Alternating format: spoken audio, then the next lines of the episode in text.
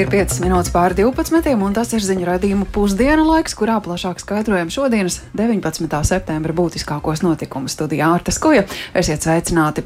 Rudens sākums ierasti ir laiks, kad biežāk nekā citkārt laukos uz ceļiem vai arī pilsētvidē redzam karavīrus un militāro transportu, jo jau no 5. septembra Latvijā notiek visaptverošas valsts aizsardzības mācības namēs, un šorīt rito, šobrīd rito aktīvā fāze.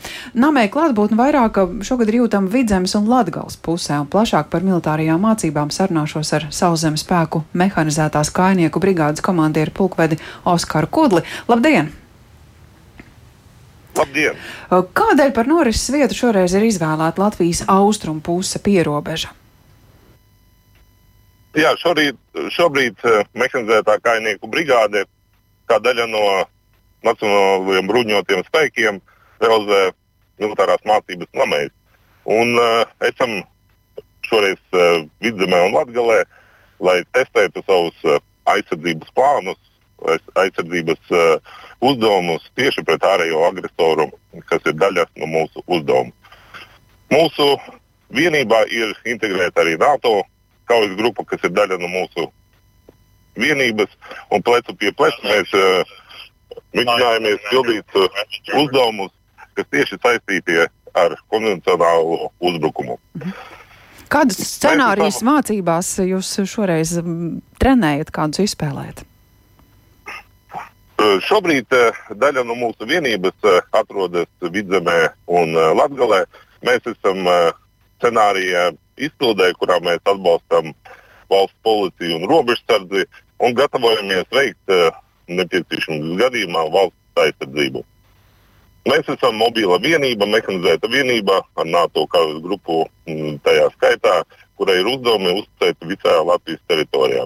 Mācību vingrinājumu norises gaitā mēs trenējamies ierasties uh, visā Latvijas teritorijā, šoreiz mēs esam vidzemē un latgalē, izvērsties mācībām, nodrošināt mācību gaitu visā mūsu uzturēšanās laikā, šā vingrinājuma laikā, testēt savu komandu vadību nacionālajā līmenī un arī NATO līmenī, lai mēs varētu gan pārvaldīt situāciju, gan arī nodrošināt savas operācijas norisi. Kā soks tiem karavīriem, kas tikai šogad ir sākuši dienestu valsts aizsardzības dienestā, viņiem tās noteikti ir pirmās tik liela apmēra mācības? Ir jāsaka, ka viņiem sokas lieliski, ļoti motivēti karavīri. Pagājušā nedēļā viņi pabeidza pamatapmācības kursu. Šonadēļ viņi jau ir kopā ar mums.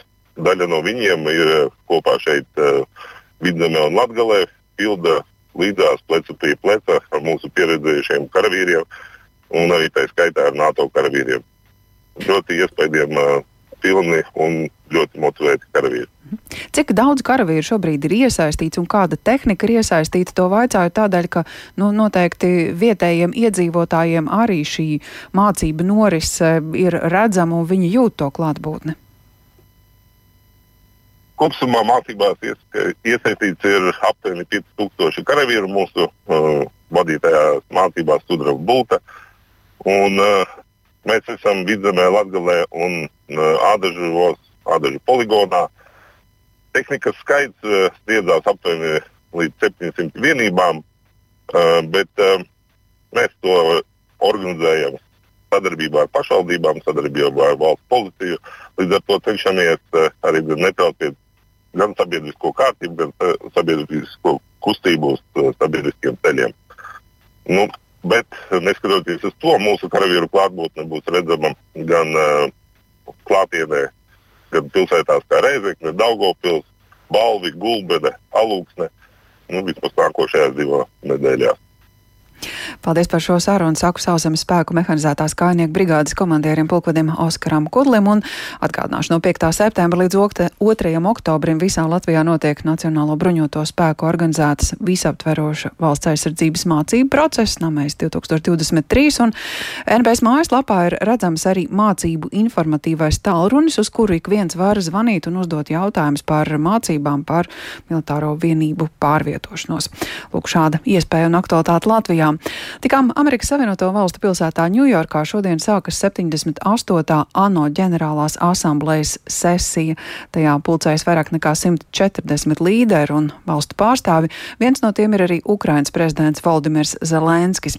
Sagaidāms, ka Zelenskis centīsies pārliecināt tā dēvētās globālo dienvidu valstis par nepieciešamību atbalstīt Kījevu un aicināt Krieviju uz karaspēku izvešanu no Ukrainas. Plašāk par notikumu otru pusi okeānam stāsta Rihards Plūme. Cīņas tiek izcīnītas ne tikai kaujas laukā, bet arī diplomātijā, un par vienu no šādām diplomātijas cīņu vietām šonadēļ kļūst Ņujorkā notiekošā ANO ģenerālā asambleja. Jau vakar Ņujorkā ieradies Ukrainas prezidents Valdemirs Zelenskis, kurš pirms savas šovakar gaidāmās uzrunas asamblējā paspējis apmeklēt Ukraiņu karavīrus, kuriem pilsētā tiek nodrošināta rehabilitācija. Sagaidāma arī Zelenska dalība ANO drošības padomē un vairākas divpusējas tikšanās. Piemēram, trešdien viņam gaidāma tikšanās ar Brazīlijas prezidentu Luisu Inasiju Lulu da Silvu, kurš līdz šim centies izvairīties nostāties Ukrainas vai Krievijas pusē. Pēc viesošanās Ņujorkā, Vašingtonā Zelenskis tiksies ar prezidentu Džo Baidenu un kongresa locekļiem, kā arī ar ASV militāro vadību, amerikāņu uzņēmējiem, žurnālistiem un Ukraiņu kopienas locekļiem.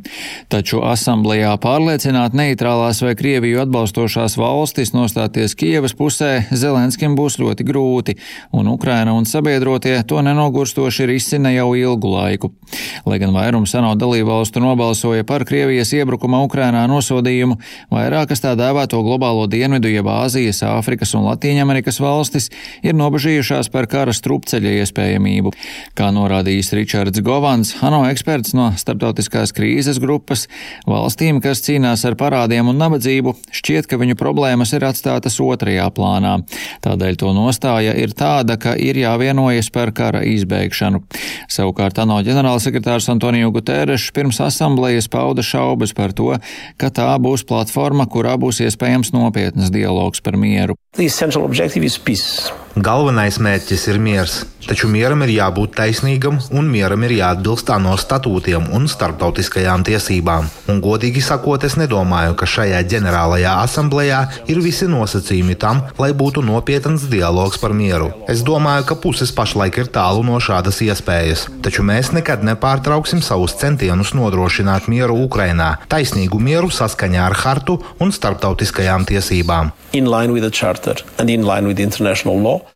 Pēc ANO ģenerāla sekretāra domām karš Ukrainā šobrīd aizkavē pasauli no saliedēšanās, lai risinātu daudz un dažādus svarīgus jautājumus.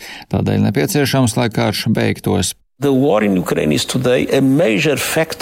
Karš Ukrainā šodien ir galvenais faktors, kas palielina ģeopolitisko spriedzi, un ģeopolitiskās spriedzes palielināšanās ir galvenais iemesls, kāpēc mēs nespējam efektīvi risināt pašreizējās problēmas - klimata pārmaiņas un jauno tehnoloģiju radīto traucējumu riskus. Diemžēl šobrīd pasaule nav vienota stājoties pretī šiem izaicinājumiem, un tāpēc ir tik svarīgi, lai karš Ukrainā beigtos, jo tas ir viens no faktoriem, kas grauj pasaules spēju apvienoties. Baidens un Zelenskis centīsies izmantot ANO ģenerālo asambleju, lai paplašinātu starptautisko atbalstu Kijevai. Zelenskis un Baidens varētu gūt labumu no tā, ka asamblējā klātesoši nebūs Krievijas un Ķīnas līderi, kas ļaus abiem uzmanību vērst sev vēlamā virzienā. Rihards Plūme, Latvijas radio. Un atkal pie pašmāju aktualitātēm. Šodien Saimnes sociālo un darba lietu komisija atbalstīja grozījumus divos likumos, kas bija nepieciešami, lai sāktu valsts apmaksātas paliatīvās aprūpas sniegšanu mājās pie klienta. Pakalpojumi jāsāk sniegt jau no 1. oktobra. Saimnes sēdē līdzi sekoja Paula Dēvica, kura šobrīd ir pievienojusies mums studijā, tāpēc vispirms Paulai lūkšu atgādināt, kas tad ir tie pakalpojumi, kas būtu jāsāk sniegt jau 1. oktobrī. Sveika, Arta! Labdien, arī Latvijas radio klausītāji!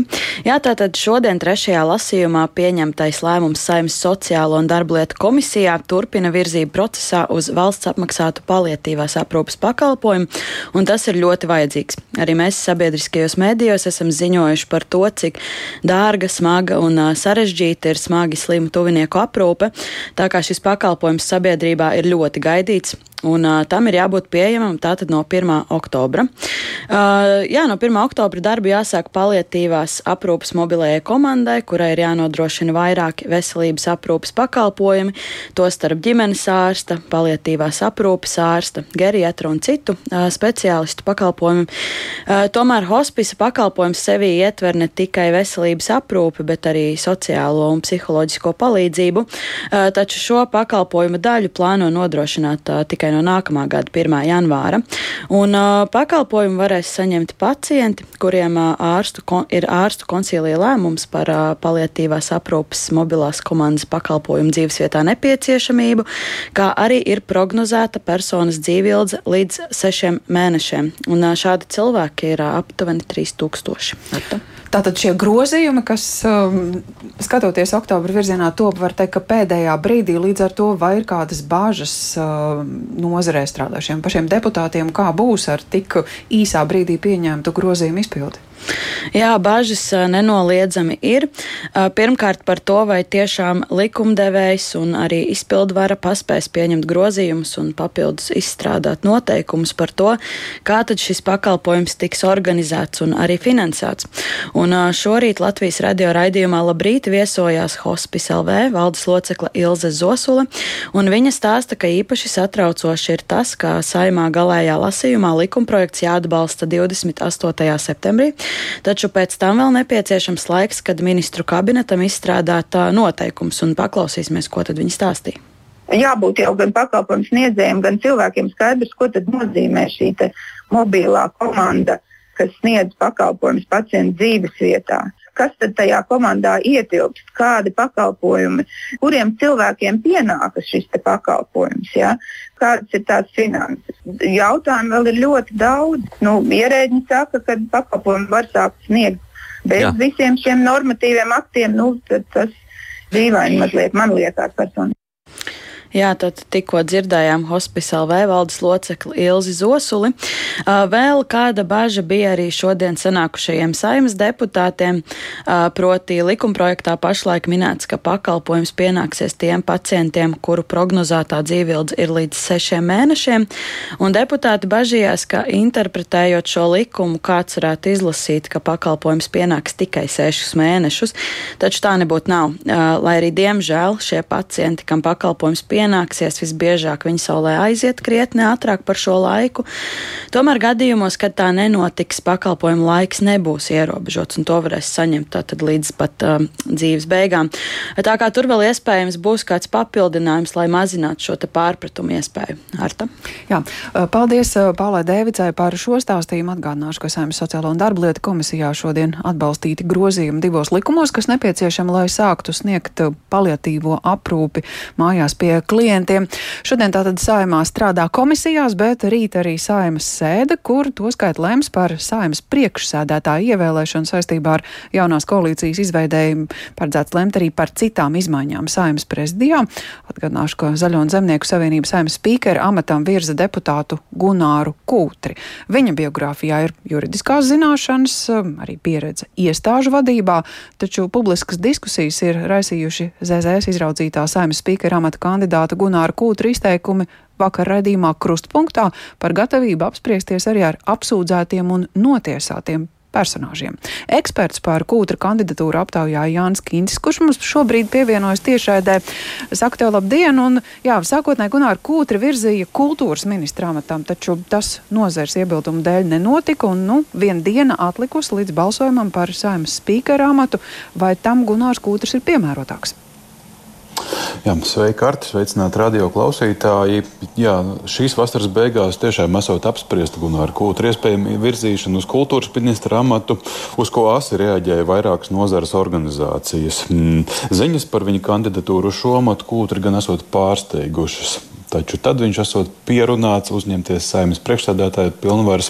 To Kūtris pirmdien izstāstīja Latvijas radio raidījumā Krustpunktā. Un, jā, viņa līdzinājā pieredze vistiešākajā mērā saistīta ar jurisprudenci. Vēl pirms valsts neatkarības atjaunošanas viņš ir bijis pasniedzējis Latvijas valsts universitātes juridiskajā fakultātē, vēlāk strādājis Latvijas ģenerāla prokuratūrā, bijis finanšu policijas pārvaldes direktors, tieslietu ministrijas valsts sekretārs un vēlāk kļuva par satversmes tiesas tiesnesi un desmit gadus bija tās priekšsēdētājs priekšsēdētājs. Un pēc tam, kad šis termiņš bija noslēdzies šajā amatā, viņš pievērsās politikai un līdz ar Ingūnu Sudrabu kļuva par vienu no partijas no sirds Latvijai veidotājiem. Un jāatgādina, ka saistībā ar šo partiju izmeklētas arī dažādas aizdomas. Tajā skaitā bija sākt izmeklēšana par Krievijas politehnologu piesaistīšanu Sudrabas partijas priekšvēlēšana kampaņā pirms teju desmit gadiem. Tomēr toreiz izmeklēšanu izbeidz. Tā pirms pāris gadiem ziņoja redzījums nekā personīga. Un pēc šīs partijas izjukšanas Kūtris pievienojās Zaļo un Zemnieku savienībai un ir ievēlēts gan 13. gan 14. saimā. Intervijā raidījumā Kruspunkta Gunāram Kūtrim vaicāja arī par ZZS premjeramatu kandidātā Evera Lemberga reputāciju un arī pirmajā tiesas instancē jau lemto. Un Kūtris atbildēja, ka ar tiesas lēmumu nav iepazinies. Savukārt, ja viņam par kādu cilvēku ir labs priekšstats, tad šīs personas apsūdzēšana, notiesāšana vai izciests cietumsots nebūtu šķērslis sarunāties, apspriesties.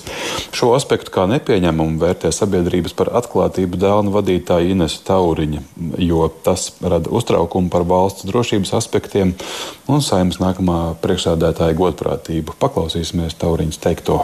Tu iepriekšējā pieredze nu, no vienas puses liek domāt, ka viņam ir ļoti laba izpratne, kā vajadzētu strādāt, un, un arī šo e, likumu pārzināšanu. Tas, protams, dod zinām priekšrocību, taču sadzirdējām e, vakardienas komentāros, ka pat, ja cilvēks ir aizdomās, turams, vienalga šīs atkāpes un atlaides tiek dotas vienai no augstākajām amatpersonām valstī, ir jānosprauž ļoti striktas robežas.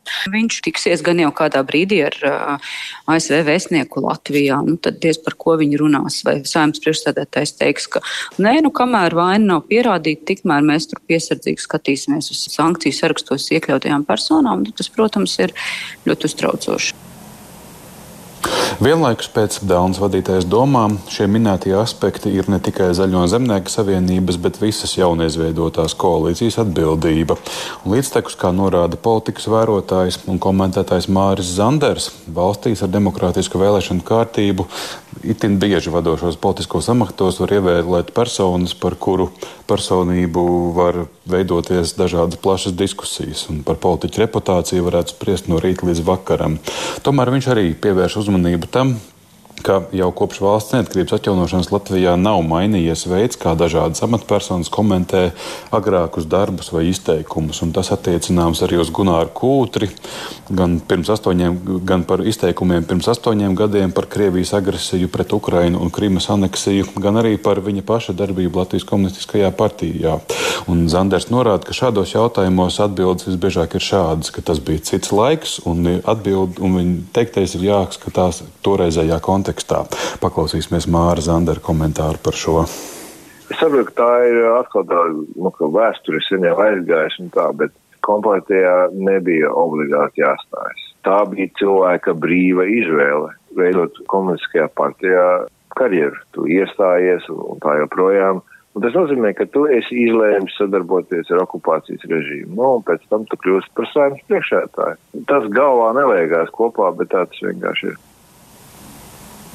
Lūk, nu, Cik ļoti šiem aspektiem, tikko pieminētajiem, tiks uzvēr, pievērst uzmanība saimā, to varēsim vērot jau trešdienas rītā, kad ir sasaukta ārkārtas sēde, kurā ir paredzēts tātad balsot par nākamo saimas priekšsēdētāju un arī par citiem amatiem saimas prezidijā. Te vēl īsi jāpiebilst, ka saimā arī drīzumā būs izmaiņas dažāda, plaši daudzās saimas komisijās, to vadībā to, to visu mēs arī tam visam sekosim līdzi un turpināsim ziņot. Bet nu, pirms šķietami, vai varētu notikt kādas tik straujas pārmaiņas jaunizveidotajā koalīcijā un par Gunāru Kūtru kandidatūru nenobalsot tie 53 deputāti vai vairākums, kas nepieciešams?